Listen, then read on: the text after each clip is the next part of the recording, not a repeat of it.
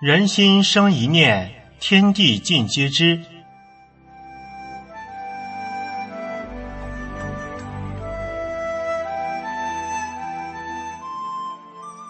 听众朋友，您好，欢迎收听明慧广播电台《善恶一念间》节目。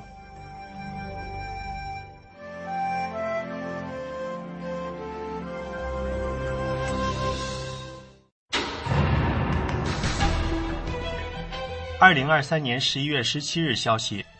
原辽宁省丹东市委常委、政法委书记杨峰因涉嫌违法被开除公职，赃款被没收，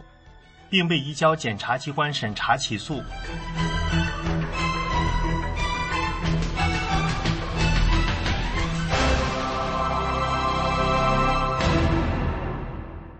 杨峰，男，一九六四年十一月出生。一九八五年加入中共协党，在任职的这十几年中，杨峰从东港市委副书记到宽甸县委书记，最后于二零零六年至二零一六年期间任职丹东市委常委、政法委书记。杨峰在职期间，为了升官发财，把良知出卖给了中共江泽民流氓集团，积极参与迫害善良的法轮功学员。丹东地区被非法劳教、判刑、迫害致死的法轮功学员超过一百人。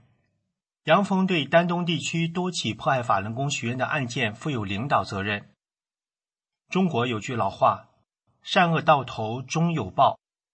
二零一六年十一月，杨峰被免职。二零二三年十一月十七日消息，杨峰已被移交检察机关审查起诉。杨峰终因作恶，招致了恶报。杨峰就任丹东市政法委书记后，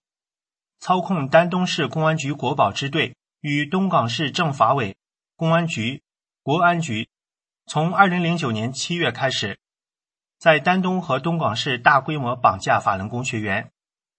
他们安排了大批警察蹲坑、跟踪、监控。监视达五个多月。二零零九年十二月二十二日清晨，东港市整个公安系统倾巢出动，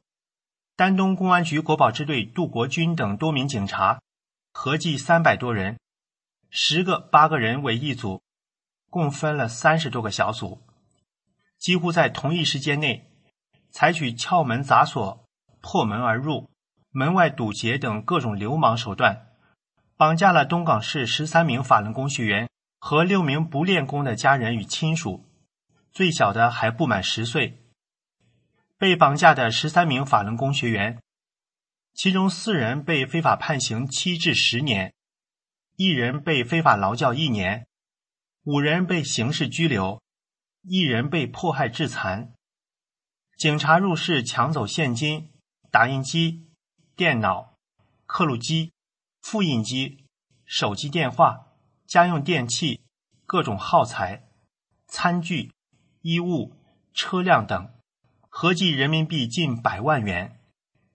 此次绑架案，东广市公安局获得上级发的奖金五十万元。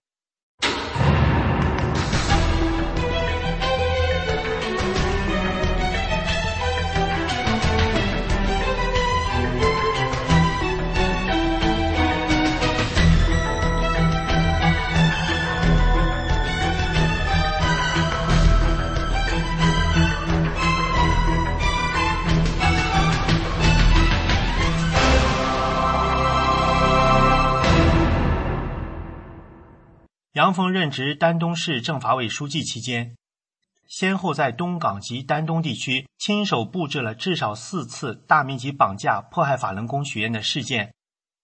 每次绑架的人数都是二三十人以上。二零一五年十二月七日至十五日，东港市法院集中对十一名法轮功学员非法庭审。东港市法院一再向被迫害的法轮功学员家属表明。此次非法庭审，他们是听命于政法委，此案是政法委说了算。在政法委的指使下，东港市法院不允许律师为法轮功学员做无罪辩护。在非法庭审期间，为法轮功学员做无罪辩护的四名维权律师都被赶出了法庭。中共迫害信仰真善忍的法轮功学员，制造谎言欺骗全国百姓，颠倒了是非善恶，败坏了人心道德，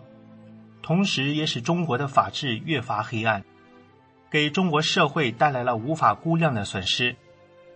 在中共的统治下，假恶斗遍地，道德沦丧，所有的中国人都是这场迫害的受害者。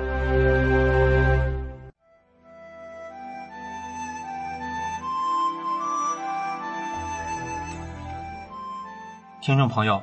今天的善恶一念间就到这里，感谢您的收听，